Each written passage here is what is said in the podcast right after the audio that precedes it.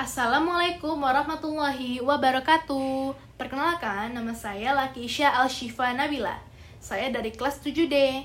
Saya akan bercerita tentang sebuah cerita fiksi animasi yaitu berjudul Frozen. Frozen memiliki sebu memiliki dua karakter utama yaitu dua anak kandung perempuan.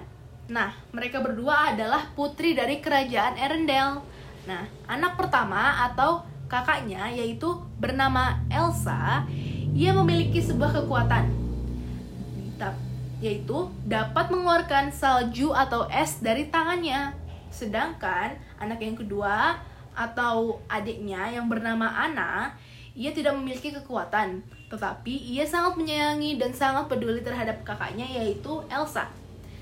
E, saat saat usia mereka sudah meranjak dewasa, orang tuanya Elsa dan Anna pun meninggal dunia karena e, orang tuanya mereka mengalami kecelakaan yaitu e, saat berlayar di laut. Nah, karena oleh karena itu Elsa sebagai kakak harus menggantikan orang tuanya sebagai ratu agar dapat menjaga e, kerajaan Erendel. Nah, di Frozen juga ada beberapa karakter lainnya, yaitu Olaf. Dia adalah boneka salju yang dibuat oleh Elsa sendiri dan dapat berbicara dan juga dapat bergerak. Nah, selanjutnya ada Christoph. Christoph, dia adalah temannya Anna. Dan dan yang terakhir ada Sven. Sven adalah uh, peliharaannya Christoph dan dia adalah rusa salju, rusa salju. Nah, tiba-tiba Elsa pas di usia yang sudah uh, dewasa, Elsa mendengar suara uh, dengungan seperti memanggilnya. Nah, karena rasa pengen tahu dan rasa penasarannya, dia mengadakan perjalanan ke hutan bersihir yang memang sudah dari kecil dikasih tahu oleh bapaknya. Bapaknya si Elsa, yaitu Raja Agnard.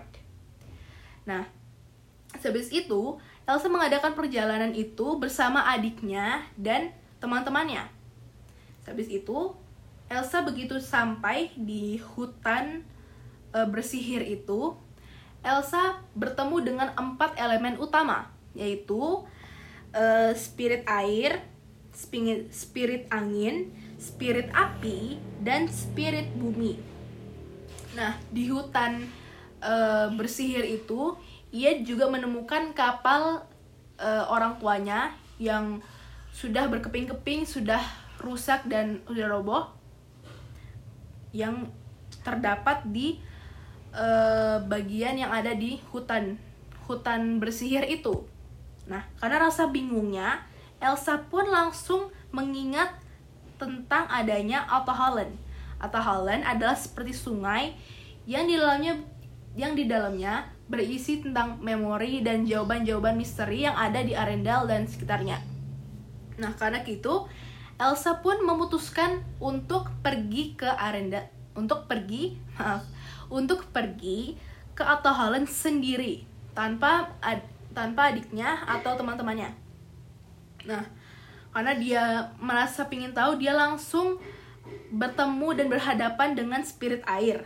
Dia mulai uh, bermusuhan di situ. Dia mencoba untuk melampaui uh, musuh eh, melampaui uh, spirit air agar bisa bisa langsung menuju ke Atta Holland.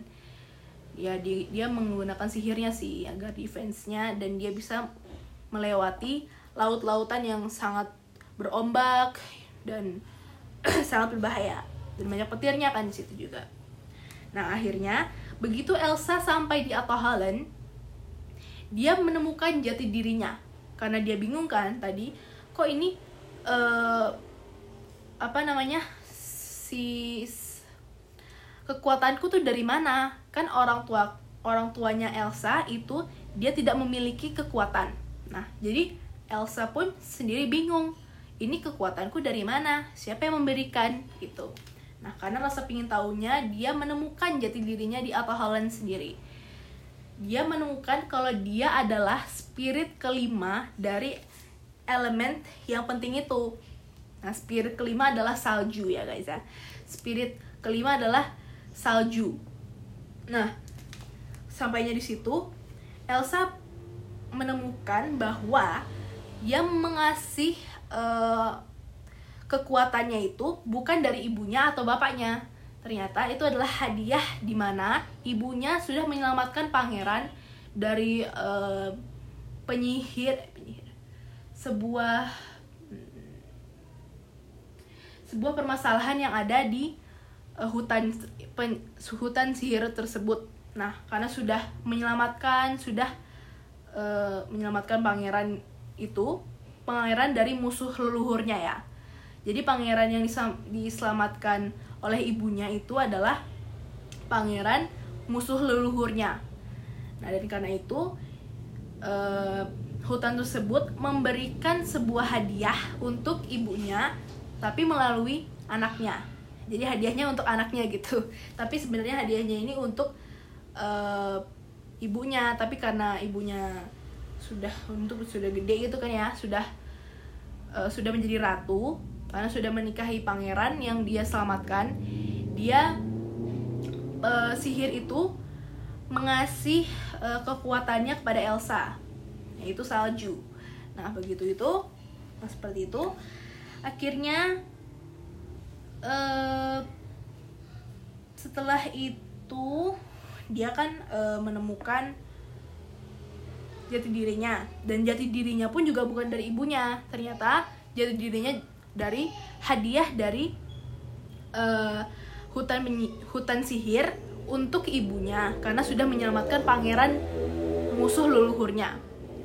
Nah, karena itu Elsa pun balik ke adiknya dan teman-temannya. Habis itu Anna, selain itu Anna pun menjadi ratu dan menggantikan kakaknya. Karena kakaknya uh, dia merasa dia adalah uh, orang yang harusnya tinggalnya di hutan sihir itu karena dia memiliki sihir kan. Dan kalau misalnya dia berada di kerajaan Arendelle kan gak make sense karena di kerajaan Arendelle itu dia tidak me, dia tidak memiliki apa ya nah, kerajaan Arendelle adalah kerajaan biasa yang tidak ada hubungannya dengan sihir. Makanya kalau tinggal di situ tuh kayak nggak make sense gitu makanya dia Elsa sendiri merasa dia tuh enaknya hidupnya di hutan untuk menjaga hutan bersihir itu. Nah, karena itu adiknya Ana dia harus menjadi ratu untuk menggantikan kakaknya. Nah, setelah, juga selain itu, Ana juga menikah dengan Christoph dan uh, Ana pun jadi ratu di kerajaan Arendelle. Nah, mungkin itu saja uh, cerita dari film Frozen yang saya ceritakan. Terima kasih sudah mendengarkan. Wassalamualaikum warahmatullahi wabarakatuh.